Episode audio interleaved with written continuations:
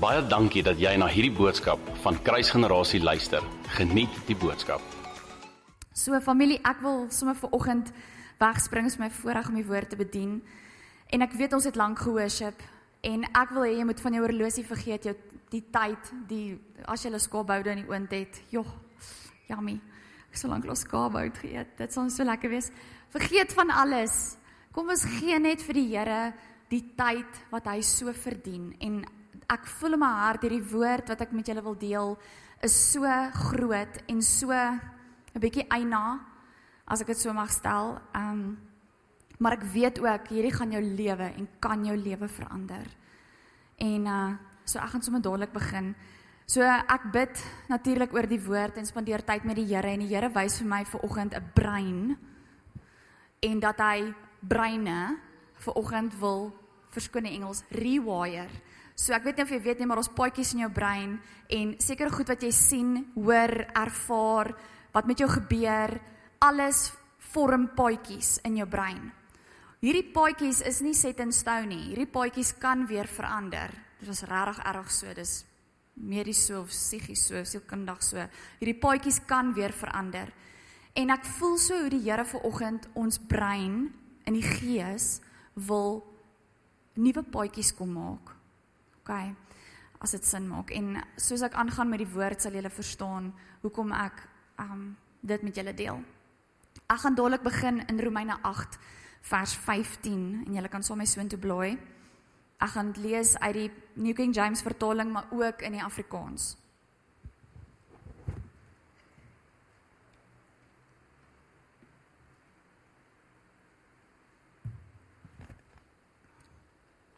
Goed.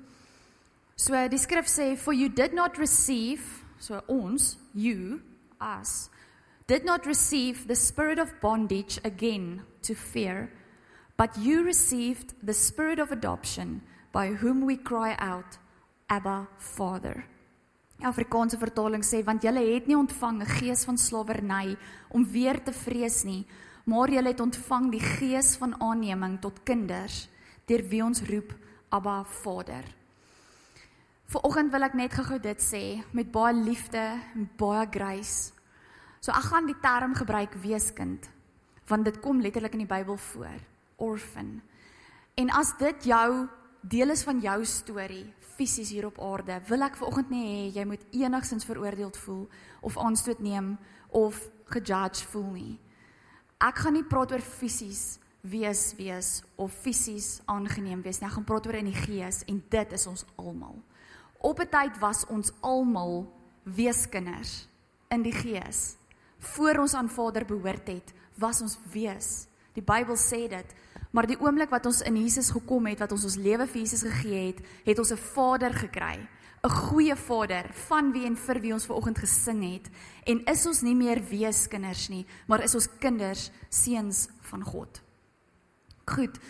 Um ja, kom ek gaan net eers voor ek myself nou vooruit hardloop. So volgens die skrif wat ek nou net gelees het, het ons iets ontvang. 'n Gees van aanneming. Dit is wat ons almal ontvang het. Die Bybel sê dit daar. En die Bybel sê ons het nie 'n gees van slawerny of spirit of bondage ontvang nie. 'n Ander 'n ander vertaling sê you did not receive a spirit um 'n orphan spirit. Dan word 'n weeskind gees of mentaliteit nie. Ons het die gees van aanneming um ont, ontvang.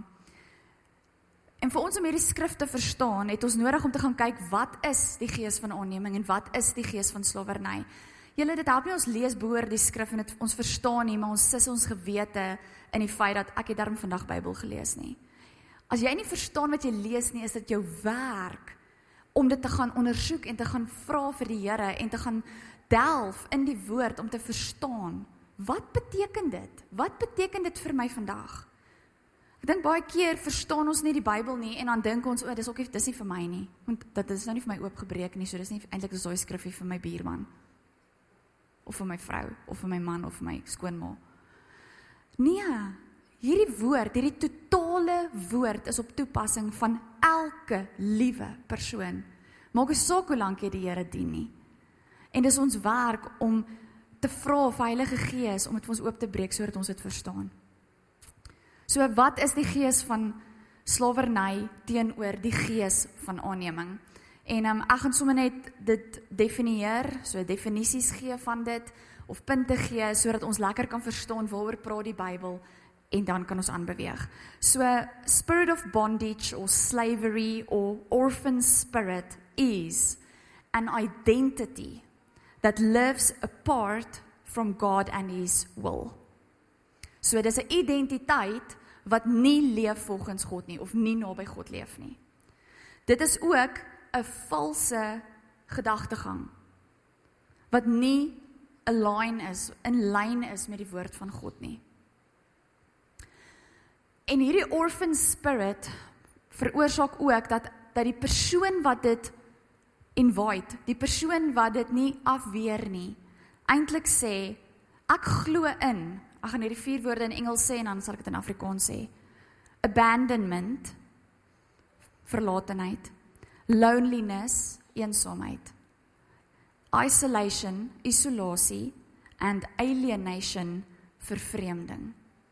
So iemand wat die gees het van om 'n orphan, om 'n orphan mentaliteit te wees, 'n weeskind mentaliteit, is iemand wat gewoonlik eenkant is, alleen wil wees, nie met die gemeenskap van die gelowiges wil meng nie, nie wil fellowship nie, nie die familiekonsep begryp nie.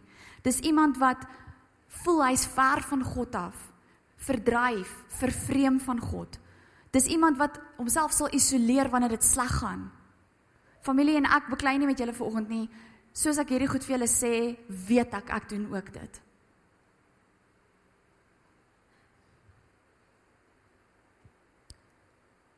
Waar is hierdie gees? Waar werk hy? Waar is hy in my? Hoe werk dit? OK. So it is established in the mind. So in jou gedagtegang, soos ek nou nou gesê het, dit is 'n gedagtegang. Dis 'n mindset, 'n valse mindset. Goed. That is carried over from generation to the next. En hier praat ek nie oor generational curses nie. Ek praat van jy's in 'n huis, jy word groot in 'n huis, jou ma en pa praat die heeltyd negatief, klink die heeltyd soos die wêreld, doen goedjies uit vrees en bekommernis uit. Kinders sien dit, so kinders doen dit. Verstaan julle wat ek sê? Is learned behavior. Is niks met 'n generational curse nie. Dit gaan oor ons leer goed aan omdat ons groot geword het in daardie omstandighede. Dink regtig aan 'n weeskind. 'n Weeskind het nie familie nie. 'n Weeskind is altyd alleen. 'n Weeskind voel altyd weggestoot. Dis nie omdat daar 'n curse op daai kind is nie, dis die omstandighede. So in die gees kan dit baie keer so wees in ons lewe ook. Van die sonneval van die mens af, van Adam en Eva en die fout wat hulle gemaak het, het hierdie mentaliteit die aarde oorheers en doen dit vandag nog steeds. Ek meen, as ons eerlik is en rondom ons kyk, is daar soveel gebrokenheid, soveel gebreekte families. En dit is die grootste teken dat hierdie mentaliteit, hierdie denkwyse vandag nog opereer in ons wêreld. Ek wil vir julle wys uit Adam en Eva se lewe waar hierdie vier woorde, isolation, abandonment, loneliness, alienation letterlik in hulle lewe voorgekom het. So ons almal weet hulle het van die vrug geëet en toe hulle agterkom hulle het verkeerd gemaak, toe gaan kruip hulle weg. Daar's isolation. Genesis 3. En die Here het hulle gesoek en hy het hulle geroep en hy het toe met hulle gepraat. Maar ongelukkig as gevolg van hulle ongehoorsaamheid het God gesê hulle mag nie meer in die tuin van Eden bly nie en het hy hulle uitgedryf of verdryf uit die tuin uit. Daar is abandonment, vervreemding van God. En so het hulle gelewe, hulle het kinders gehad, Kain en Abel en wat gebeur het is Kain het jaloers geraak op sy boetie Abel se offer en hoe die Here sy offer aangeneem het en wat het hy gedoen? Op die einde sy boetie vermoor. So as gevolg van hierdie mentaliteit en die ek wil amper sê die simptome van wat dit in jou lewe bring, die vrug, het hy toe in alienation verval, as ek dit so kan stel, in verlatenheid. In Genesis 4 praat die Bybel dan van Kain word Kain word as 'n swerwer en 'n vlugteling geken, iemand wat nie 'n plek of 'n huis gehad het wat aan hom behoort het nie. En hierdie is wat vandag nog gebeur, familie. Ons laat goed in ons lewe toe. Ons sê goed, ons doen goed, ons tree sekere maniere op. Ons kinders sien dit en sekere dinge speel uit in ons kinders se lewens. Maar die teenoorgestelde, die goeie nuus van hierdie orphan spirit is natuurlik om 'n seun van God te wees. OK? En dit is wat ons almal is as jy jou lewe al vir Jesus gegee het. As jy gesê het Here, ek aanvaar U as my verlosser en my saligmaker, dan is jy vandag 'n seun van God. Wat beteken dit? Definisie. 'n Son, dis letterlik die teenoorgestelde as wat ek nou-nou genoem het van die orphan spirit. A son has an identity that abides in the Father and his truths. Dis iemand wat naby aan God leef wat in verhouding staan. Jy het 'n identiteit. Jy wonder nie meer wie is ek nie. Jy wonder nie meer wat's my doel op aarde nie. Jy wonder nie meer is die Here lief vir my nie. Wil hy my seën nie? As daai twyfel nog daar is, dan is die orphan gees of mentaliteit, denkwyse nog nie gebreek nie. A son has a renewed way of thinking, thoughts that are aligned with the word of God. So daar's nuwe paadjies gevorm en dit wat jy nou bedink is in lyn met die woord en die waarheid van God. En dan a son is a has a firm belief in family, fellowship, communion and reconciliation. Dis die vier teenoorgesteldes van dit wat in Adam en Eva se lewe uitgespeel het. So familie, daar is nie eensaamheid nie. Fellowship, daar is nie vervreemding nie, daar's nie alleenheid nie, daar's gemeenskap.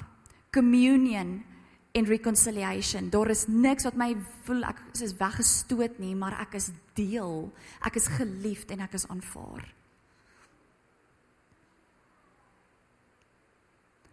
Galasiërs 4 vers 4 tot vers 7 gaan ek weer lees in die New King James en ook in die Afrikaans net as bevestiging dat die oomblik toe jy jou lewe vir Jesus gegee het, het jy 'n kind van God geword, 'n seun van God geword. But when the fullness of the time had come, God sent forth his son, born of a woman, born under the law, to redeem om te red, om te koop, terug te koop those who were under the law that we might receive the adoption as sons. En omdat julle kinders is, het God die gees van sy seun in julle harte uitgestuur en hy roep Abba Vader. Daarom is jy nie meer 'n dienskneg nie, 'n slaaf nie, 'n orfan nie, maar 'n kind. En as jy 'n kind is, ook 'n erfgenaam van God deur Jesus Christus. Dit is wonderstel om jou op jou stoel te laat staan en prys die Here te skree. Ons is erfgename saam met Jesus. Ek Hoor my as ek dit vandag sê. Ek wil amper sê gelyk. Maar nie gelyk nie. OK, ons is nie gelyk aan Jesus nie want ons is nie Jesus nie. Ons is nie perfek nie. Maar ons erfporsie is gelyk aan Jesus se erfporsie. Dis wat die woord sê. Mede-erfgename. Ek gaan 10 karaktereienskappe opnoem van die orphan spirit en wat dit in 'n mens se lewe na vore sal bring teenoor wat 'n seun se karakter so um, sal lyk. En ek wil regtig hê op hierdie oomblik moet jy Heilige Gees toelaat. Heilige Gees is soos 'n duif, baie gentle, baie baie sag, baie rustig. Heilige Gees gaan nie sy vingers so druk op jou hart en dit so inforceer en draai en sê ja, sien jy, jy wil nie jy wil nie luister nie. Dis nie Heilige Gees nie. Maar Heilige Gees sal baie subtiel vir jou oortuig as daar dinge is wat nie in lyn is met Vader se hart nie. So laat die Heilige Gees toe julle. Niemand kan hierdie vir jou doen nie. Hierdie is jy en Heilige Gees. 'n Weeskind se karakter is onseker oor homself. Onseker oor sy plek en sy doel op aarde. Teenoor 'n seun of 'n kind van God wat weet hy behoort deel van 'n familie Hy's geliefd en hy's aanvaar, maak nie saak wat hy al gedoen het nie, maak nie saak wat sy verlede is nie. Hy is aanvaar. Dis die twee verskille van die eerste punt. Die tweede een, 'n weeskind in die gees sal mense dien en die koninkryk dien om God se liefde te wen. Waar 'n seun dit doen uit aanvaarding uit, omdat hy weet dat hy reeds aanvaar is. Ek is seker as ek hierdie vier nortjies hier voor vra, Stefan hulle se kinders, of hulle by die huis skottelgoed was, hulle beddens opmaak, die huis aan die kant maak net om hulle ma en pa se liefde te wen. Gaan hulle vir my sê nee, hulle doen nie dit nie. Hulle doen dit want hulle is 'n familie. Hulle help mekaar. Hulle verstaan die konsep van ons het saam die mekaar gemaak. Ons maak saam aan die kant. Is ek reg? Julle gaan nie dit doen om 'n klop op die skouer te kry en te sê, "O, oh, pappa is nou lief vir jou want jy het die skottel goed gewas." Maar as jy dit nie was nie, is ek nie lief vir jou nie. Dit werk nie so nie. In ons fisiese werk dit nie so nie. Hoekom dink ons in die gees werk dit met God so? Die derde een, in die gees sou 'n weeskind sy emosionele leemte vul met wêreldse dinge. Hy bou sy huis op die sand. Maar in die gees vul jy jou jou emosioneelheid, jou emosionele stand, stabiliteit vind jy in die teenwoordigheid van God. Jy bou op die rots.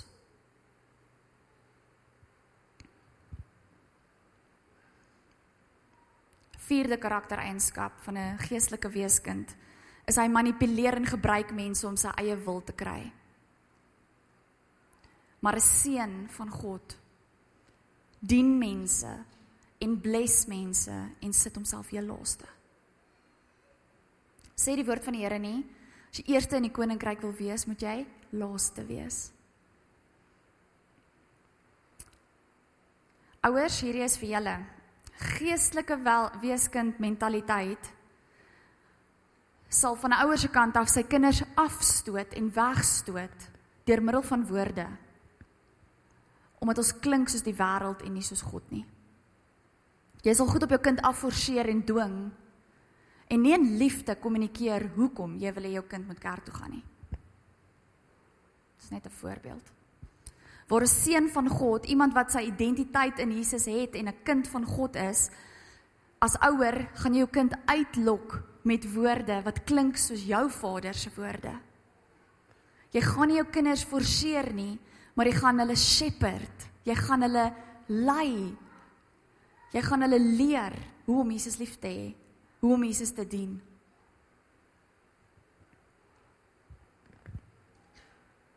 Sesde ene.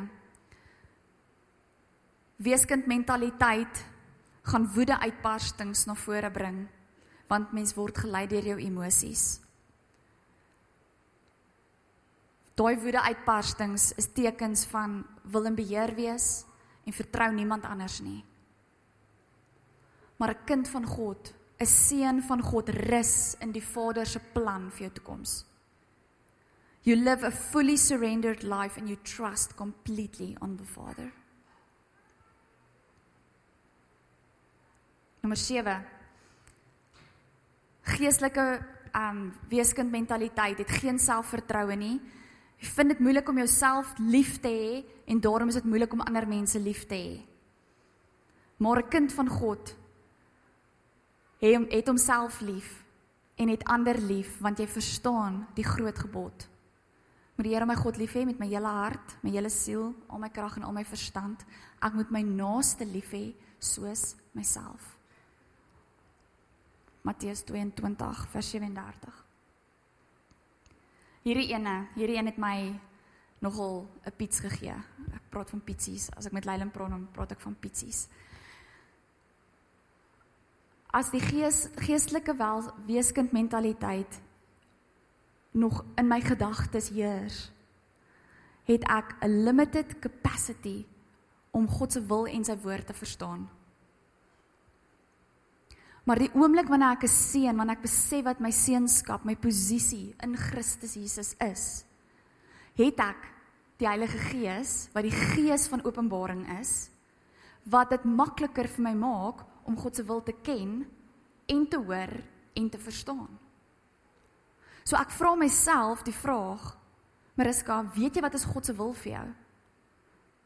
En vir 'n oomblik toe ek soos nee. En toe besef ek maar I have limited capacity want my gedagtes is nie reg nie. Ek het nuwe paadjies nodig in my kop, in my gedagtes wat die waarheid is sodat ek God se wil kan ken want Jesus sê God se wil is aan al sy kinders bekend gemaak. So ek het nie 'n verskoning om te sê ek ken nie God se wil nie. Want dan sê ek eintlik ek sien sy kind nie.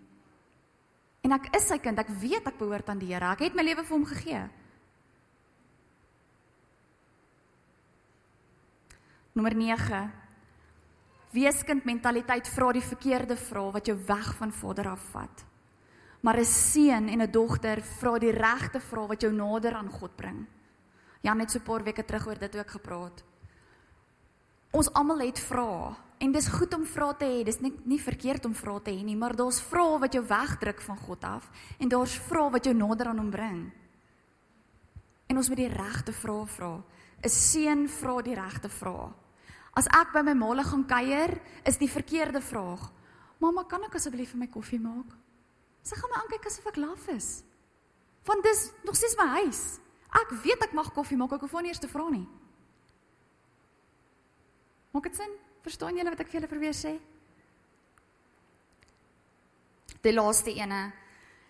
So 'n weeskind mentaliteit leef 'n onvervulde middelmatige lewe. Jou lewe is maar net dis middelmatig.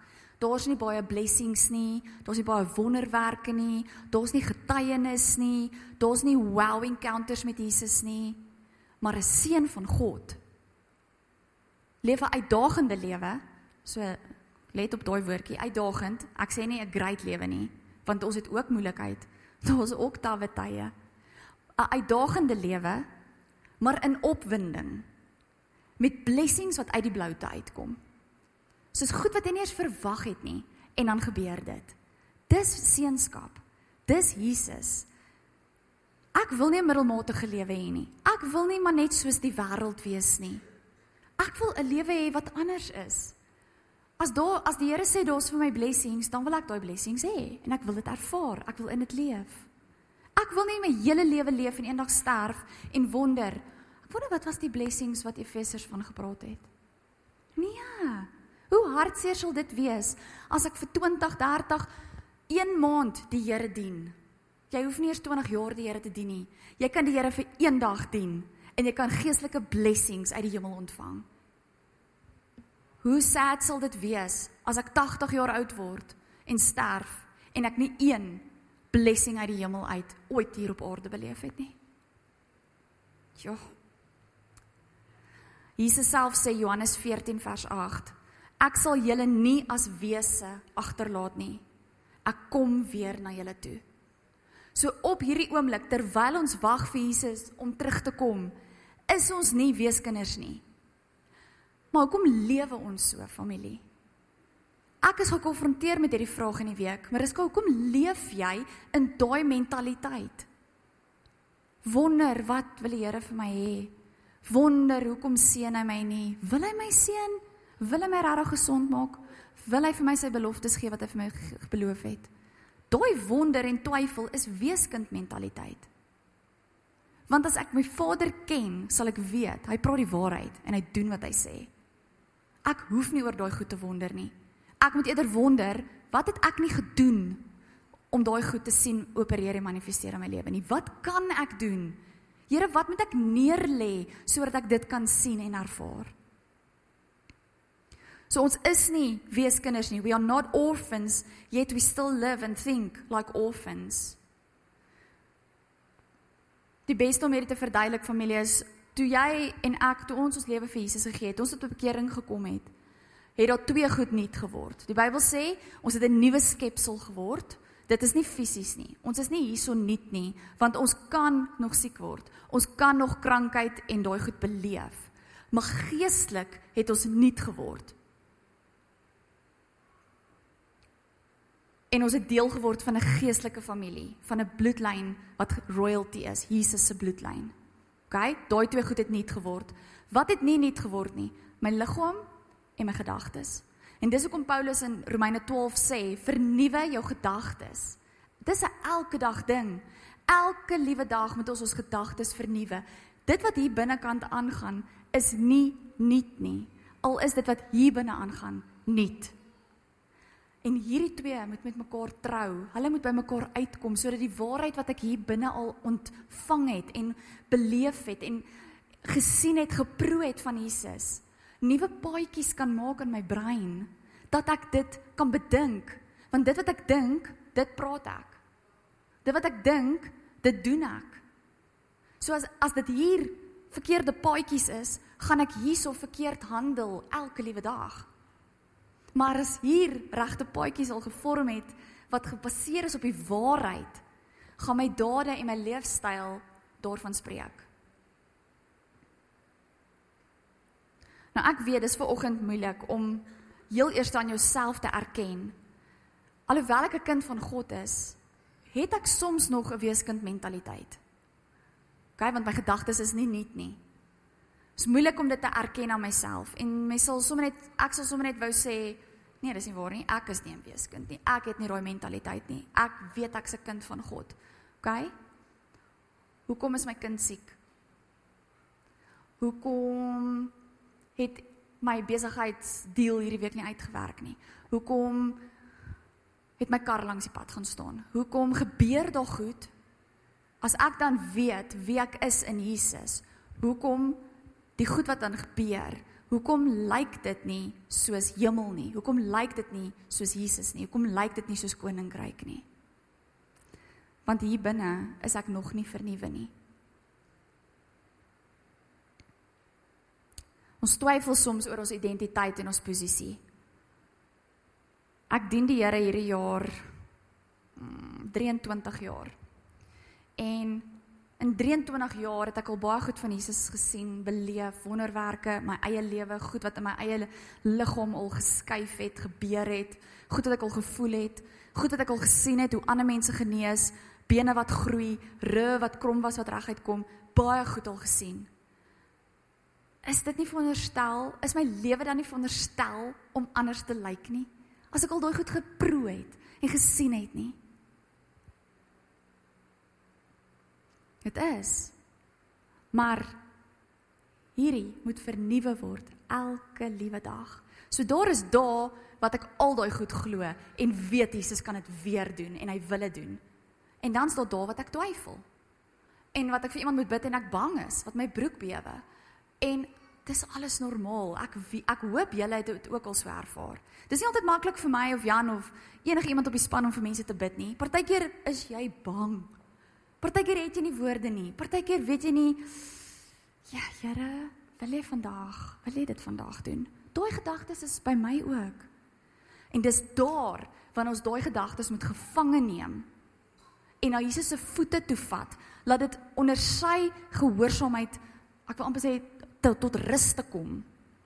Want hy wil en hy kan en hy hy kan dit vandag doen. As hy dit 10 jaar bietjie meer as 10 jaar terug vir my kon doen in 'n wonderwerk in my gesig, kan hy dit vir enige iemand doen vandag. Dis ons gedagtes wat hom eintlik beperk en ons beperk.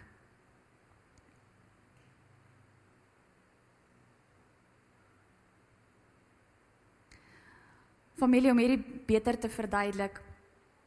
Ek het aan die begin gesê hierdie weeskind mentaliteit is 'n mindset, 'n valse mindset. Nou die enigste manier om dit te verander, laat dit nie meer vals is nie, maar opreg is en gebaseer is op waarheid, is om hierdie mindset, soos die woord van God sê, gevange te neem, vas te vat. OK? En dit moet vir jou luister. Onthou, 'n kind van die Vader wat weet wie hy is en in hy posisie is, jy het autoriteit. Jy mag met siekte praat. Jy mag met krankheid praat, maagpyn praat, finansies wat nie wil deurkom nie. Jy mag met daai goed praat. Dis deel van jou autoriteit. As jy weet wie jy is in die Here. So wanneer die gedagtes is, het ek die reg om met dit te praat. En dis al hoe ons dit kan verander. Dis al hoe nuwe paadjies gevorm kan word. So 'n stronghold is gebaseer op drie goed. 'n Stronghold, die Bybel praat in 2 Korintiërs 10 vers 3 tot 5 the strongholds in our minds, die denkwyses, die verkeerde paadjies is strongholds. OK? Drie goeters. 'n Stronghold is gebaseer op 'n leuen, heel eerste. So ek het die gedagte, joh, ek dink nie die Here wil my gesond maak nie. Leen. Klaar. Die Bybel sê hy wil. Kyk, dis 'n leuen. Ek identifiseer die leuen. A lie is based on fear. So, okay, ek glo 'n leuen, die Here wil my nie gesond maak nie. Hoekom? Waarvoor is ek bang? Want dit is gebaseer op 'n op vrees. Waarvoor is ek bang? Nou moet ek gaan gaan probeer uitfigure waarvoor is ek bang? Ek is bang dit gebeur nie. Want ek het laas Sondag gesien het iemand vir iemand anders gebid en daai persoon het nie gesond geword nie. Nou is ek bang dit gebeur nie. Of 10 jaar terug het iemand vir my gebid vir my seer knie. My knie het nie beter gevoel nie. So die Here maak nie meer gesond vandag nie. Nou is ek bang dit wil nie dit kan nie weer gebeur nie of die Here wil dit nie doen nie. So a lie, a stronghold is a lie. It is based on fear which is based on an idol. Magda het laas Sondag aand gepreek oor idolatry, oor afgoderry. Nou as ons dit sê dan dink ons aan beelde en goed, familie. Vandag se afgoderry is nie net beeldjies nie. Vandag se afgoderry is jou kar, jou huis, jou man, jouself, jou selfoon, die TV, sosiale media. My eie gedagtes kan my afgod wees. As ek luister wat dit sê, dan is dit my meester, dan is dit my afgod. Dit na wat jy luister, na wie jy luister, dit word jou afgod. A stronghold is only broken when new truths are formed. And new truths are formed by hierso is die groot kruks van die saak vandag. OK. Ek glo 'n leen die Here wil my nie gesond maak nie. Hoekom glo ek dit? Want ek het vrees dat dit nie gaan gebeur nie. Hoekom vrees ek? Wat is die afgod? Ek. Ek dink ek weet beter as God. Hoe verander ek hierdie gedagtes? Hoe verander ek dit dat ek optree soos 'n seun van God en nie soos Mariska nie en nie soos 'n orphan nie? Ek gaan terug na die waarheid toe. OK, die Bybel sê, "By his stripes I am healed. I am." Nie I will be healed 10 years from now nie. I am nou hier. Dit is so klaar. OK gedagte wat 'n leuen is. Ek plaas jou by Jesus se voete en ek kies om die waarheid te glo en die waarheid is ek is genees. Nuwe paadjie begin vorm. OK. Teenoorgestelde van vrees, geloof. Ek glo die waarheid wat ek nou net ontdek het. Ek glo dit. Here, my vlees wil dit nie glo nie. Here, oeh, ek wonder hieroor. Kan dit regtig wees? Wil jy dit regtig doen? Ja, Mariska, ek wil dit doen. Want jy is my kind en ek is jou pa en ek het jou lief. OK. Here, ek glo dit. Want ek glo in U. U is my God. Ek is nie my eie God nie. Familie, sien julle hoe werk dit? sien jy hoe verander jy 'n stronghold na 'n seën mentaliteit, seënskap, 'n blessing. En dit, as mens dit kan doen, is die grond so vrugbaar vir wonderwerke, so vrugbaar vir Vader om te kom doen presies wat hy in jou lewe wil doen. Maar ons het die werk. Ons dink die hele tyd God moet ons doen. Die werk lê by my en by jou. Wanneer jy daai gedagte gevange neem en besluit ek gaan nie daai leuen glo nie. Vrees het nie plek in my lewe nie ek dien die Here en geen ander ding gaan vir my sê wat die waarheid is nie, dan het jy oorkom, dan het jy oorwin. Familie, joh, ek raak excited. Ek ek ja.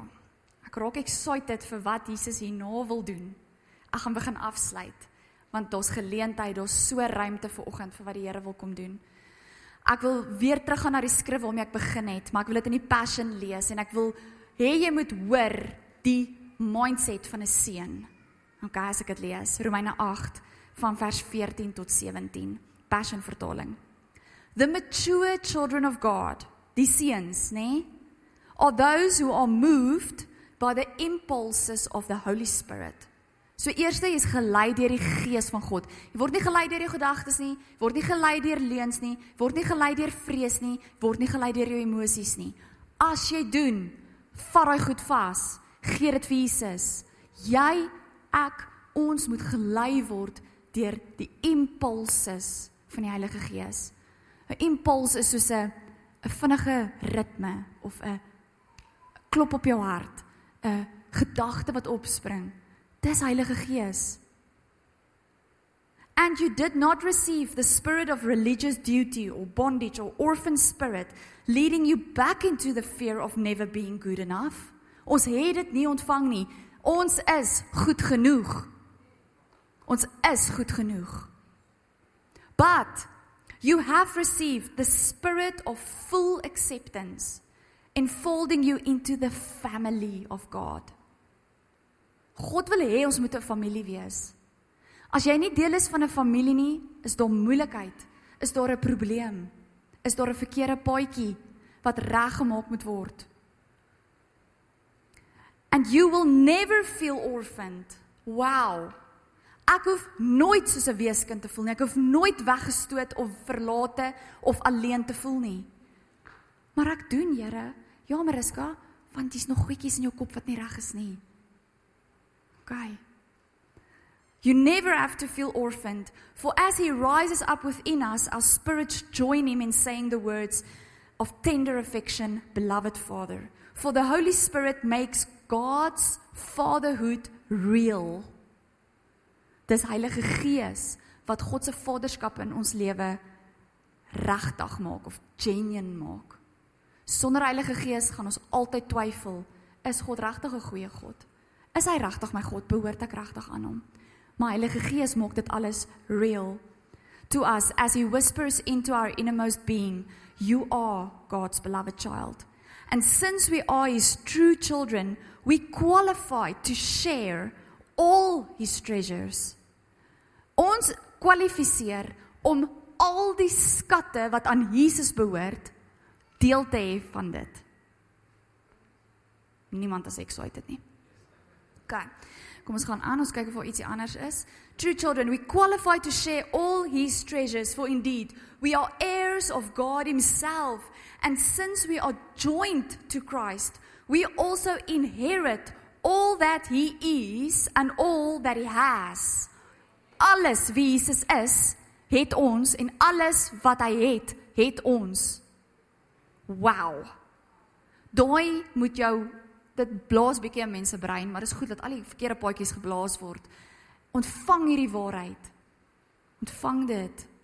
We all ex- we will, sorry, we will experience being co-glorified with him provided that we accept his suffering as our own.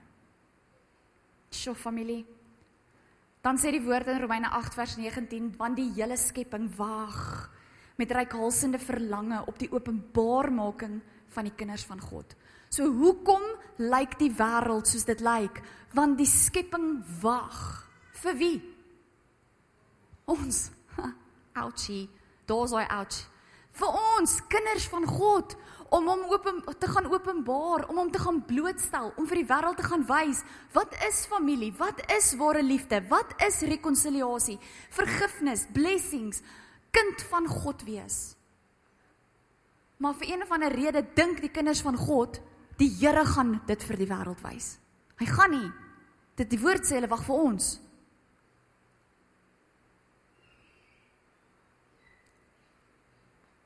Dit is die cure.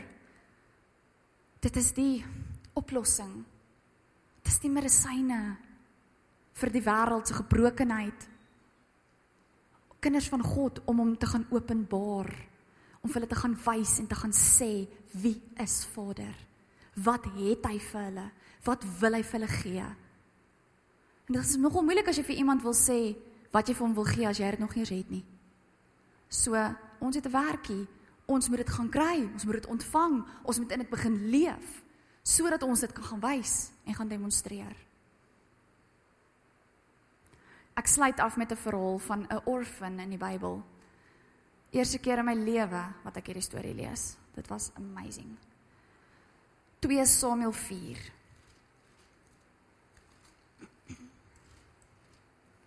net om vir u te wys hoe word hierdie weeskind, letterlike weeskind wat nie meer ouers het nie. Hoe word hy restore? Hoe word hy gerekonsilieer?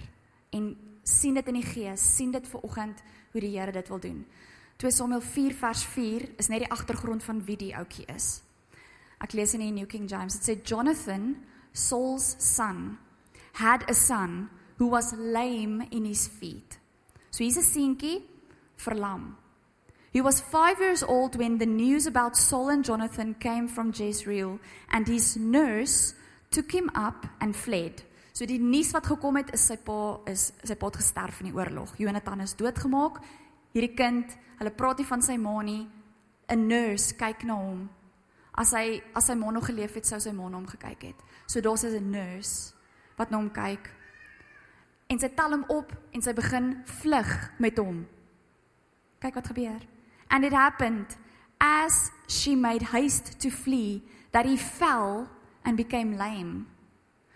So sy het hom opgetel om te vlug, toe val hy en dis hoekom hy verlam is. His name was Mephibosheth. 2 Samuel 9 praat dit verder. Koning Dawid is koning, hy's aan bewind en hy soek na van die nageslag. Hy soek mense van koning Saul. OK? En hy vra een van sy diensknegte, is daar iemand van koning Saul se nageslag of van Jonathan se nageslag? Ja sê hy, hier is Mephibosheth. En in vers 7, so David said to him, dis nou vir Mephibosheth in Afrikaans. Do not fear, for I will surely show you kindness for Jonathan your your father's sake and will restore to you all the land of Saul, your grandfather, and you shall eat bread at my table continually. So net gou 'n bietjie agtergrond in die ou tyd, niemand kan net voor 'n koning kom nie. Die koning moet jou summon. Die koning moet jou roep. Niemand kan net voor die koning gaan staan nie. En nou is hier Mephibosheth. Hy het alles wat wat hy gehad het was van hom weggevat van sy sy oupa en sy pa se goederes. Hy's 'n orphan, hy's verdryf. Hy is nie deel van hierdie koninkryk of koningskap of lineage of enige iets nie. En hier's koning Dawid, 'n man na God se hart wat seenskap verstaan het. En wat hom terugbring en vir hom sê, weet jy wat? Vir altyd kan jy by die koning se tafel eet. En familie, dis vandag wat Vader kom doen. As ons met ons orphan mentaliteit sit, is hier 'n uitnodiging vandag. Hy wil jou restore. Hy roep jou terug en hy sê my kind, kom sit by my tafel. Hier waar die koninklikes sit. Jy's deel van dit. Kom sit hier. Kom eet saam met my. Kom wees by my. Dankie dat jy na hierdie podcast geluister het. Indien jy die boodskap geniet het, deel hom asseblief met jou vriende.